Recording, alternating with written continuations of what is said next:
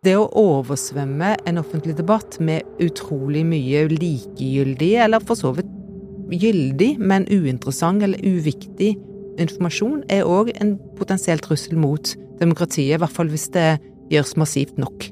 Hvor går grensen? Og i hvert fall for oss som jobber i nyhetsmediene, så mener jeg at det må være en absolutt grense å i minst mulig grad manipulere virkeligheten å forenkle fotohistorien og si at før Photoshop, da, som er den vanligste måten å sette et hakk i tiden på, før det så var alle bilder én ting, og alle var fotografisk generert, og ingen hadde tukla med noe som helst. Det er positivt feil.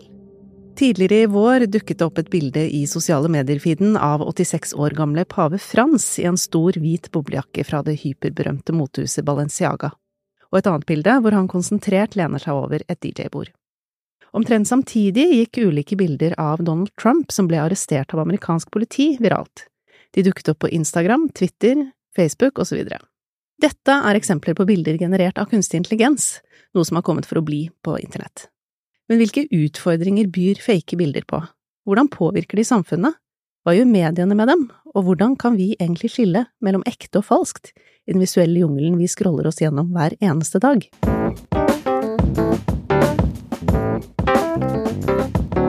Du hører på Universitetet i Oslos podkast Universitetsplassen, og temaet i dag er falske bilder, eller visuell desinformasjon. Og på Universitetet i Oslo forskes det selvfølgelig på dette. En av dem som jobber med bilder og falskt visuelt innhold, det er deg, medieforsker Liv Hausken. Velkommen hit. Takk for det. Og hos eh, faktasjekk-nettstedet faktisk.no jobbes det iherdig med å avsløre falskt innhold på nett og gjøre oss mer bevisst på hva det er. Velkommen ansvarlig redaktør for faktisk.no, Kristoffer Egberg. Takk. Mitt navn er Mari Lilleslåtten, og jeg jobber ved Det humanistiske fakultet på Universitetet i Oslo. For å ta bildene av paven og Trump først. Dette var bilder generert ved hjelp av kunstig intelligens, nærmere bestemt AI-programmet Midjourney, og de spredte seg som ild i tørt gress. Men hva er det som skjer når sånne bilder sprer seg, og hva er eventuelt problematisk med det? Kristoffer, du så disse bildene. Ja, jeg kan jo si at det, det, er interessant, for det handler jo om kontekst. Jeg så jo selvfølgelig bildene av Trump, men jeg følger jo også med på nyhetene, så jeg visste jo at han ikke var arrestert. Så jeg så med en gang at dette var falske bilder, og, og jeg har lekt meg selv med Midjourney og er veldig imponert over disse KI-verktøyene som nå kan lage kunstige bilder, og, og tenkte, lot meg imponere over hvor gode disse falske bildene var. Mens bildet av paven, og jeg følger ikke så godt med på pavenyheter, det gled forbi feeden. Jeg så jo han i den jakka, og så tenkte jeg fader, det var ganske stilig kledd for å være paven, tenkte jeg, og tenkte ikke noe mer over det. Og når jeg senere selvfølgelig forsto ut ifra hva andre mente på internett at, at, disse bildene var falske, så var det jo lett egentlig å gå, gå tilbake og avsløre det. Men i mitt hode så var ikke den garden oppe, den bevisstheten oppe, så jeg lot meg lure. Eh, lot du deg lure, Liv? Jeg tenker litt motsatt, tror jeg kanskje. Altså, jeg, jeg lot meg kanskje ikke lure, men jeg ble provosert av Trump-bildene. Mm. Fordi situasjonen er så spesiell når de kommer. Det er rett før eh, den første rettssaken settes i gang. Det er rett før tiltalene skal leses opp. Og den politiske situasjonen i USA særlig, da, er såpass spent. Så jeg ble veldig provosert når jeg så Trump-bildene og tenkte hvor uvettig er det ikke å publisere disse bildene nå? Så jeg tenkte ikke på om jeg ble lurt eller ei, men det tas vel egentlig da for gitt at jeg ikke ble det. Når det gjaldt paven, så tenkte jeg ikke så veldig mye på om bildene var fotografiske eller ei, bortsett fra det står veldig tydelig markert, det står Midjourney på det, tror jeg, eller så AI-generert på noen av de, men jeg syntes de var morsomme. Så lurte jeg litt på om det var en aprilsnarr. Det var rett før 1. april, og de siste par årene så har av og til aprilsnarren kommet et par dager for tidlig. Det har jeg ikke klart å finne ut om det var, men, eh, men uansett så syns jeg de var morsomme. Og så tenkte jeg òg at uh, de er såpass usannsynlige. Kanskje akkurat det boblejakken, nå vet ikke jeg hva slags estetisk uh, smak denne paven har, og hva slags økonomi, jeg regner med det er en viss økonomi i, i pavehuset, så men alle de andre situasjonene syns jeg var såpass usannsynlige at han sto der og var DJ og, og gjorde, ja, gjorde litt ting som paver ikke normalt gjør, tror jeg, da, ut ifra min pavekompetanse. Så, så, derfor så syns jeg det var en uh, morsomhet mer enn at jeg, at jeg syns det var noe problem med det. men det er et bilde som, som veldig mange av oss får på netthinna, kan du si, da. Hva er det egentlig som, som foregår når et sånt bilde bare eksploderer? Det er jo dette med kan du si, falskt innhold, da. Det er en grunn til at det bildet av paven spredde seg mye. Det var jo nettopp fordi det vakte oppsikt og skaper følelser hos oss. Altså, sånn som jeg da tenkte, jeg stoppet opp, jeg så på bildet og tenkte jøss, så motgikk det. Eh, og det er jo gjerne effekten, uten at jeg tenker noe mer over det. Og effekten blant de som ser for eksempel bildet av Donald Trump, danner jo også bilder, følelser i hodet. Ikke sant? Enten det 'åh, det hadde vært deilig om han ble arrestert', eller, eller 'dæven, hva er det her for noe', det er forferdelig', ikke sant. Som, som Liv sier, det, det provoserer på en måte, det skal vekke følelser. Og det er jo nettopp det som trigger blant annet algoritmene som styrer vår eh, sosiale mediestrøm, og i stor grad også den vanlige mediestrømmen. Det er jo brukerstyrt. Og det er jo det som er skummelt med dette, er jo at eh, det fester seg. Og så kan du si det er jo ikke nødvendigvis skadelig å tro at paven kler seg motriktig, men det har likevel allerede, selv om jeg nå vet at bildet er falskt, gitt meg kanskje litt sånn ja, det er litt kul han pave Frans. Eller Donald Trump er en skurk. Tror jeg ikke det bildet påvirker mitt syn på Donald Trump nevneverdig, men likevel, det er jo det som er problemet med denne type falskt innhold. da. Det er ikke ekte, men det påvirker likevel vårt syn på virkeligheten når vi blir eksponert for det. Ikke sant. Og, og disse bildene, de er jo helt sånn syntetiske. De er lagd av uh, kunstig intelligens. Men det er jo ikke den eneste formen for falskt visuelt innhold som uh, vi møter på internett. Uh, hva er det egentlig vi står overfor av bilder og video, da, som, altså dette visuelle, som er uekte i dag, når vi sitter og scroller på mobilene våre? Jeg tror ikke jeg helt tenker termene ekte og uekte. Og jeg tror kanskje at det er litt av problemet. Jeg tror det hadde vært lurt å tenke funksjon først, kanskje.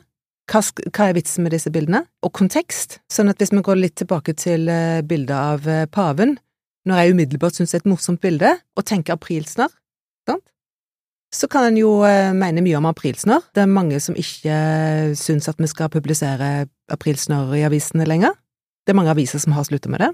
Det er mange som har flagga at de syns at absolutt alle andre burde slutte med det òg. Eh, jeg så aprilsnøren i ettertid, rett og slett, men eh, i Klassekampen i år, det var en av de få norske avisene jeg vet at hadde en aprilsnarr. Det var vel Astrup som eh, skulle flagge ut til Sveits, fordi på grunn av den nye innførte forbudet mot au pair. Jeg så et intervju med redaktøren i Klassekampen i NRK rett etterpå, som hadde et godt argument, syns jeg, for aprilsnarren. At vi trenger aprilsnøren den ene dagen i året for å øve oss på å se disse bildene. Altså denne lille forskjellen der, du, der presten tar ansvar og viser fram noen bilder som nesten kunne vært mulige, men som har denne lille, lille muligheten for å være usannsynlige på den ene datoen.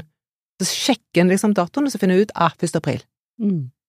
Og det syns jeg er et uh, poeng. At de sjekker om vi er våkne, rett og slett? Rett og slett en liten sånn oppøving av det. Men uh, når da uh, aprilsnarren kommer to dager for tidlig, for eksempel, så har han jo et problem, selvfølgelig. ikke sant? Så tenker jeg at når den også lever to dager etterpå, eller et år eller tre år etterpå, så har vi et problem. Og, og jeg tenker jo at det er en sånn kanskje naiv fremstilling av det hele. Eh, det kan jo være et poeng, men jeg syns jo det er et poeng at pressen viser frem disse bildene hele tiden.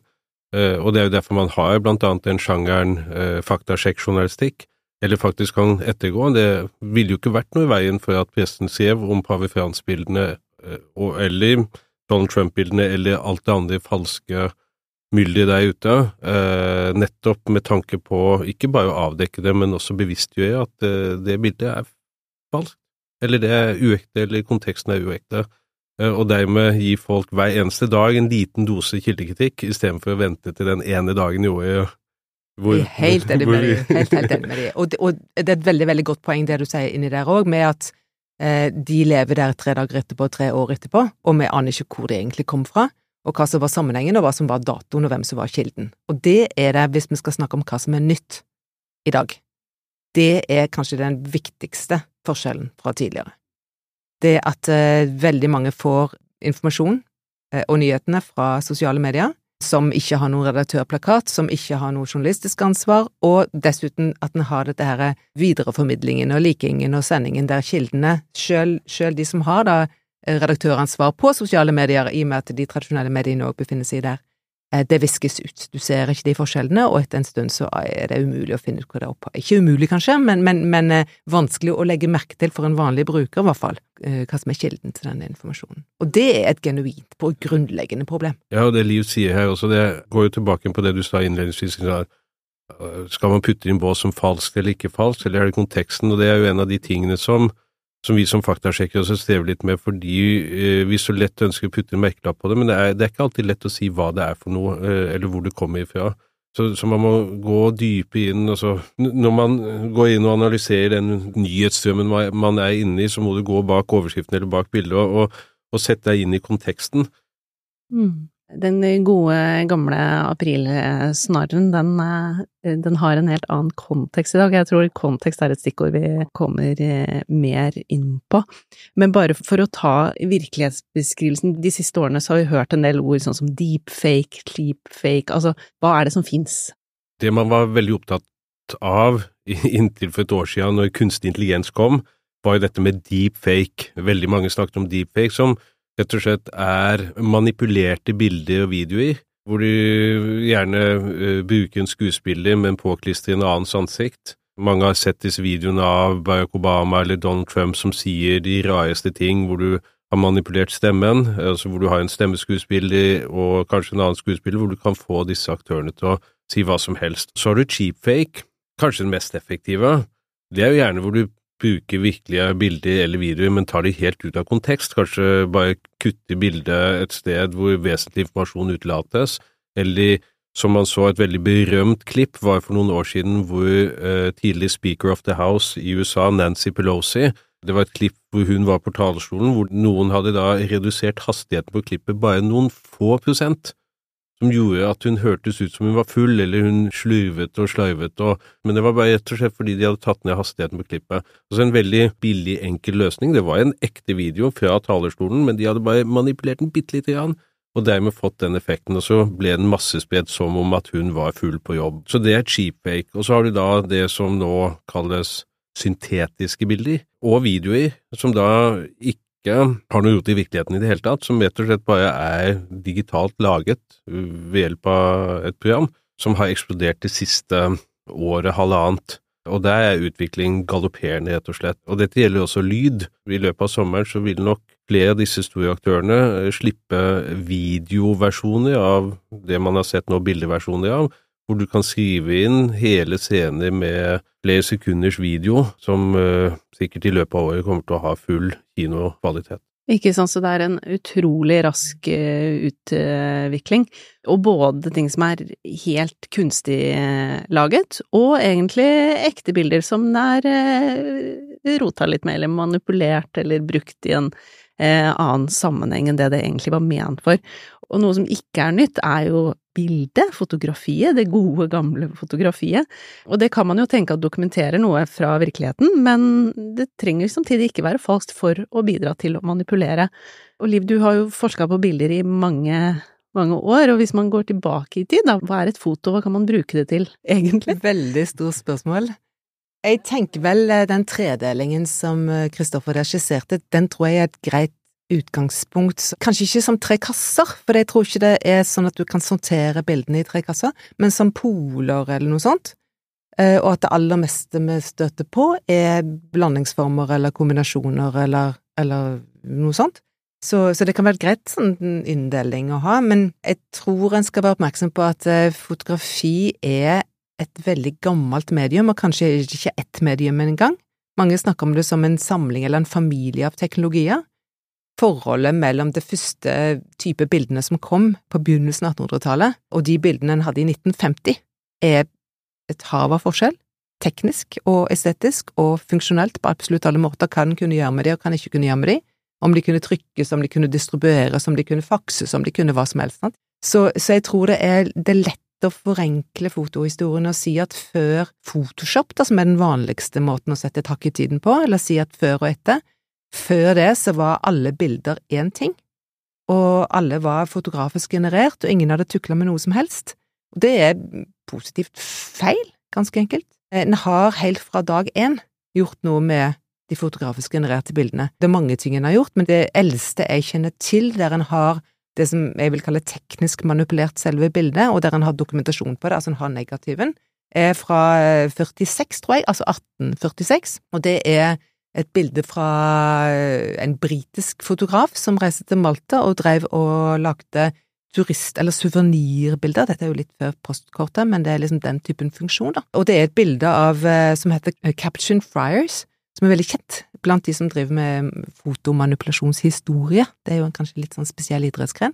Da kan en se på negativen at han tok bilder av fem munker, og så har han eh, sannsynligvis han sjøl eller assistenten hans, men i hvert fall så er det blitt malt over med et blekk, en av figurene. Det er ingen som egentlig vet hvorfor han gjorde det. Det er sannsynlig at han gjorde det med en komposisjonsmessig begrunnelse. Dette var ikke et nyhetsfoto, og det tror jeg er et stikkord. Hva er årsaken til at noe er blitt teknisk modifisert? Og det er ikke alltid en vet årsaken, det vet jo en faktasjekker ofte, sant, vil jo være en aner ikke hvorfor det har blitt gjort, men jeg kan òg tenke hva slags effekt har det? Hva slags funksjon skal dette bildet ha? Hvis dette selges som suvenir, så er det kanskje ikke så farlig hvor mange munker som egentlig var på dette bildet da bildet ble tatt, ikke sant? Og bildet selger jo utrolig mye bedre hvis det har en god komposisjon enn hvis det har en dårlig.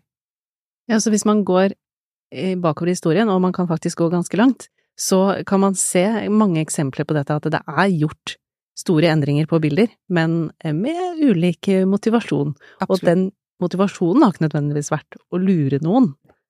Og det er viktig.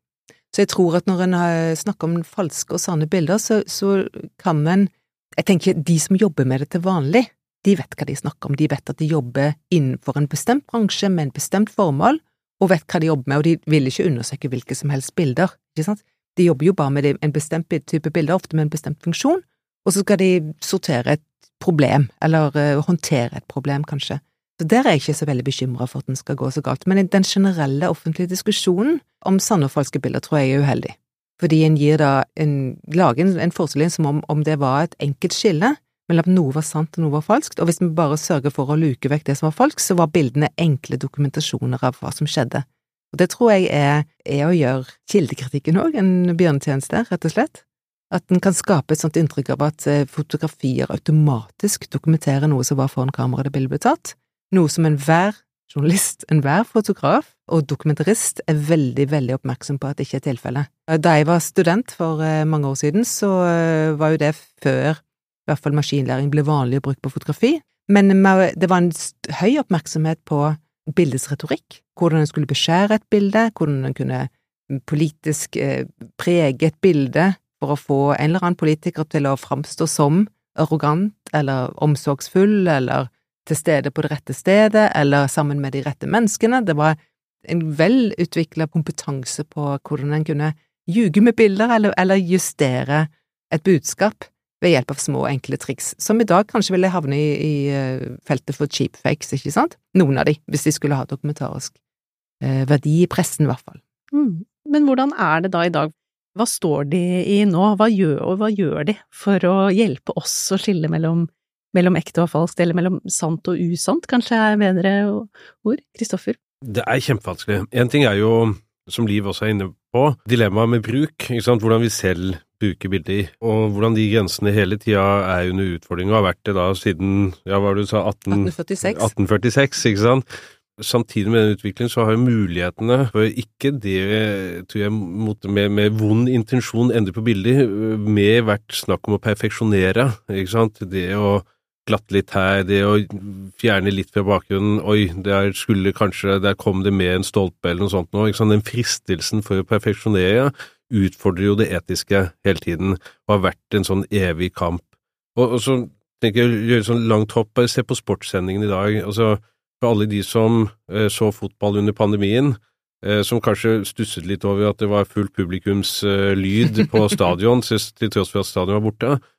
Tror de det er eneste gangen de la på falsk lyd, eller tror de det er sånn på alle fotballsendinger og alle, sant, for å optimalisere den følelsen som vi har hørt om på skisendingene, er det faktisk lyden av skistavene til de som er på bildet, eller er den lyden lagt på uh, for å skape den stemningen? Så disse grensene har vi, uh, vil jeg si, på mange måter dessverre utfordret og latt oss utfordre på lenge, hvor vi kommer til et punkt hvor vi er nødt til, som redaktør og som altså pressen, da, å, å dra opp en linje etisk. Hvor går grensen? Og den grensen har aldri vært eh, fast. Altså, den har beveget seg i ulike retninger siden 1846, og kommer til å bevege seg videre. Og det er ikke så lenge siden NRK satte på trykk et bilde fra Midjourney i forbindelse med en artikkel om kraftbransjen, tror jeg, hvor det var noen ja, datagenerert bilde av fryktelig mange master ute i naturen som ikke var ekte. Og så ble jo det heldigvis tatt opp og veldig fort fjernet, og veldig fort da lagd en policy på at slike bilder skal vi ikke bruke i nyhetssakene i NRK. Men gjelder det alle? Hvor går grensen? Eh, og i hvert fall for oss som jobber i nyhetsmediene, de redaktørstyrte mediene, så mener jeg at det må være en absolutt grense å i minst mulig grad manipulere virkeligheten. Hva tenker du, Liv, er det mm, behov for en sånn absolutt uh, grense, Hva hvis ikke blir det en slippery slope, hvor det ene tar det andre, og så plutselig har vi mye Jeg kjøper ikke helt det argumentet. Altså, det er helt klart at eh, den grensen som uh, som Kristoffer her snakker om, den har vært forhandla gjennom historien alltid, og det kommer den til å fortsette å bli forhandlinger om, og det tror jeg er sunt, men jeg tror vi trenger mange flere grenser enn den ene. Jeg tror vi trenger sjangergrenser. At en kan eh, sortere litt. Og du nevner to eh, morsomme eksempler. Denne med strøm, eh, strømprisene, som jeg syns er en morsom, morsom, sak, rett og slett. Jeg tenker at det bildet godt kunne blitt stående sånn som det sto. Det bildet var markert veldig tydelig, jeg tror det var Midjourney, eh, det var iallfall AI-generert, og det var merka tydelig under at det var. Så det jeg synes er problematisk i den saken, det er at når en tar vekk det AI-genererte bildet og putter inn et fotografi der istedenfor, så er det fremdeles bare noen master, enda mindre inntrykk av at det er et bestemt sted, det er opp mot himmelen, det er blått, helt sikkert litt grann eh, retusjert, tror jeg òg, for det er liksom litt stilig. Eh, det står at det er foto, det står nok sannsynligvis muligens òg en fotograf eh, navn under, men det står ikke illustrasjon, i hvert fall ikke sist jeg sjekka, dobbeltsjekka det. Det synes jeg det burde stått. Hvis en bestemte seg for at illustrasjonsbildene skulle merkes med illustrasjon, så ville det for meg være relativt underordna om de var AI-generert eller malt eller tegnet eller fotografert eller hva som helst, så lenge det er en illustrasjon av et poeng, ikke sant? Så jeg tenker illustrasjon er en av de tingene som en lett kan merke seg ut av, i hvert fall redusere problemet kraftig ved å merke, eh, mens det er en del andre mm, vanskeligere Eh, ting innenfor pressen som det er vanskeligere å merke seg ut av. Du har et annet eksempel som jeg gjerne vil kommentere, det med den stadion og underholdningsbransjen og, og sport. Altså, sport er jo en vel, eller idrett generelt, men sport på TV, liksom, er jo en, en, eh, en vanskelig sjanger, fordi det ofte sorteres som sånn halvveis nyheter. Så det er liksom vanskelig å vite er det et underholdning eller er det til nyheter, og, og, og hva er det her som skal dokumenteres, og hva er det her som ikke skal dokumenteres.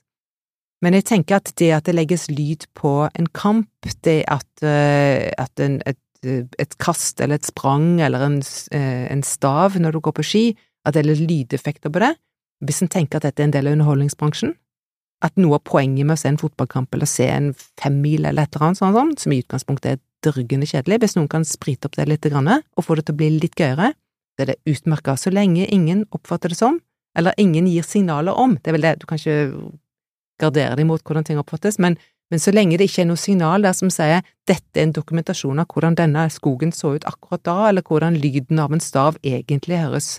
Men eh, da må det være en eh, bevissthet og, og en viss sånn systematikk, da, fra eh, nyhetsinstitusjonene, altså NRK eller TV 2 eller de som har den typen plattformer, da, til å sortere litt og ha en policy eh, som sier sånn at vi sorterer sport som eh, underholdning. Selve altså hvem som vant og tapte, og, og målet, og hvem som fikk mål og sånn, det er selvfølgelig presist. Mens resten kan det hende vi har eh, gjort akkurat sånn som vi gjør med resten av underholdningsprogrammene. Det er nok mye med redaktøren i meg og, og PC-mannen i meg som skriker litt der, men det er kanskje et av hovedproblemene med nettopp det vi snakker om nå, er jo når det skiller mellom virkelighet, det som er sant, det som er virkelig, og det som er kunstig viskes ut. Som du sier, det er lett å merke. Det var jo det man sa med eksempel content marketing, annonseinnhold eller annonsørinnhold. Man hadde mange kreative merkinger med dette. Og det er det samme med liksom å merke illustrasjon eller illustrasjonsbilder. Det legger veldig opp til at folk flest, altså publikummet vårt, er veldig bevisst på disse ulikhetene. Eh, skjønner at å, dette er, dette er en illustrasjon, da kan det være uekte, det kan være ekte, det ser veldig fint ut. Og det er klart at dette med illustrasjon, det, altså når det var, som du nevnte, Liv, kunst da, eller tegning, avistegning og sånne ting, så går det jo veldig klart frem. Det er ingen som tror at den tegningen er ekte. Spørsmålet er jo når eh, dette eh, kunstige bildet eh, etteraper et ekte bilde. Altså det fremstår, det utgir seg for å være ekte. Det er der jeg tenker at vi må passe oss, fordi vi skaper en likegyldighet til om nyhetsinntrykket eller virkeligheten som skapes, er ekte eller ikke. Det spiller egentlig ikke rolle hva du og jeg vet som er hva skal vi si, kompetente og, og er i den ene enden av dette, men publikum, eh, altså konsumenten, de som skal forholde seg til nyhetene og nyhetsformidling, da, nå tenker jeg fra det perspektivet, eller sportssendingen, vi er avhengig av at de også er med på notene og, og forstår dette godt nok, og der tror jeg dessverre ikke, det er jo en, en av utfordringene med denne utviklingen, at vi ikke har kommet langt nok. Og det ser du også på barn og unge, som ikke har et forhold til hva som er redaktørstyrt, eller hva som er si, underholdning eller nyheter, som kanskje også gjennom sine smarttelefoner og sine apper ikke har et bevisst forhold i det hele tatt til om virkeligheten er manipulert eller ikke. Det er jo stort sett ikke et bilde på TikTok eller på Snap eller noe sånt noe som ikke på en eller annen måte er puttet på et filter eller lagd en AI, ikke sant, og, og som brukes som man pynter på portrettbildene sine og skifter hudfarge eller litt større øyne eller litt mindre øyne, så videre og. Og, og dette er jo hva den teknologien og hva det gjør med oss i forhold til hvordan vi på en måte aksepterer den sminkingen eller den forfalskningen som skjer eh, audiovisuelt, den er jeg spent på. Jeg svartmaler ikke, fordi dette er noe vi er nødt til å leve med fremover, men vi er nødt til å bli mye mer bevisst i hvordan vi går inn i den fremtiden som på ingen måte er fremtid, den er her og nå. Og for å se de problemstillingene der, så tror jeg vi må ha et annet språk enn sant og falskt.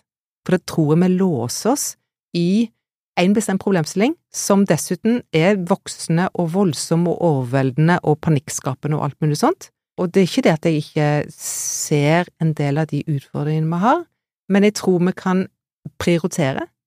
Jeg tror vi kan si ok, nyhetsfeltet skal vi kanskje være litt mer opptatt av enn sportsarenaen eh, og reklamen og kunsten, selv om det kan være andre problemstillinger der òg eh, som kan være interessante. Og så skal vi sortere det litt på hva er det som handler om informasjon, og dermed potensielt desinformasjon, hva er det som handler om underholdning, og dermed potensielt kanskje villedende, men kanskje ikke direkte skadelig? Hva er det som handler om helt andre ting, som for eksempel copyright? Eller hva er det som handler om eh, ting som handler om eh, kroppspress og skjønnhetshysteri, og at folk nå tar med seg de godt teknisk manipulerte selfiene sine til eh, kirurgen og ber om å ligne på sitt eget bilde, ikke sant? Det er jo en relativt ny problemstilling. Det er ikke en desinformasjonsproblematikk.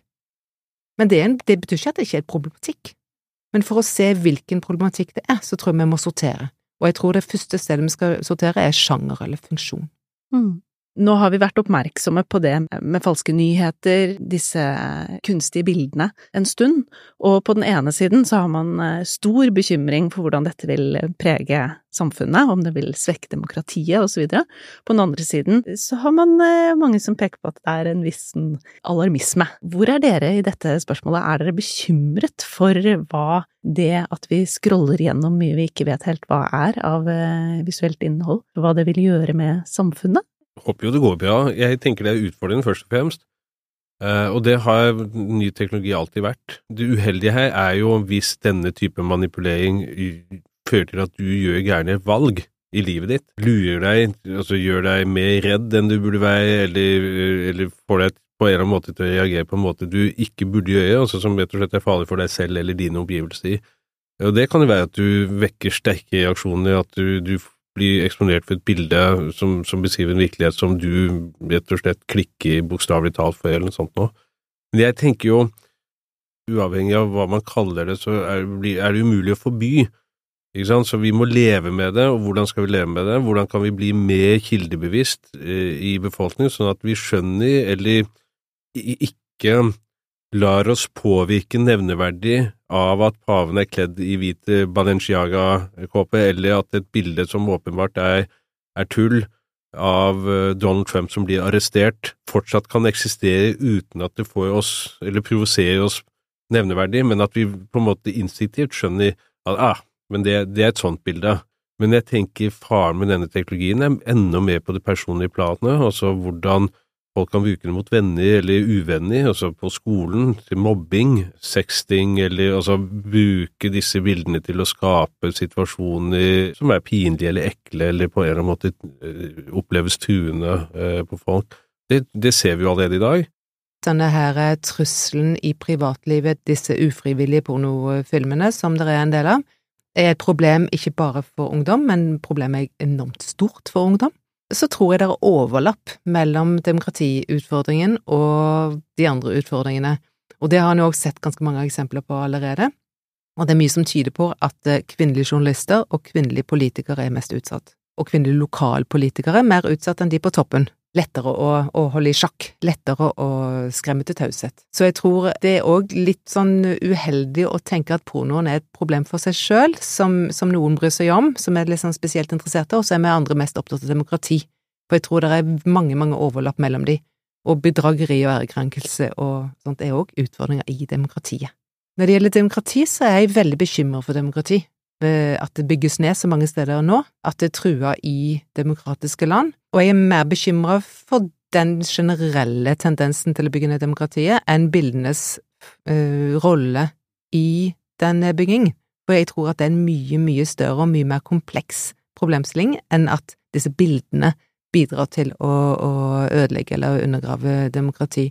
Men når det er sagt, så er det aktive desinformasjonskampanjer der ute, og det er jo òg aktive kampanjer for å oversvømme samfunn eller offentlig debatt med bilder som ser ut som fotografier, og som holder faktasjekkerne opptatt med å finne ut om hva som er sant og falskt, ikke sant, og får, får oss til alle sammen holde på med noen sånne voldsomme aktiviteter for å sortere tingene, der hovedpoenget kanskje ikke er så veldig mye å prøve å komme med mye falske nyheter, men rett og slett å keep us busy i arbeidet med å sortere.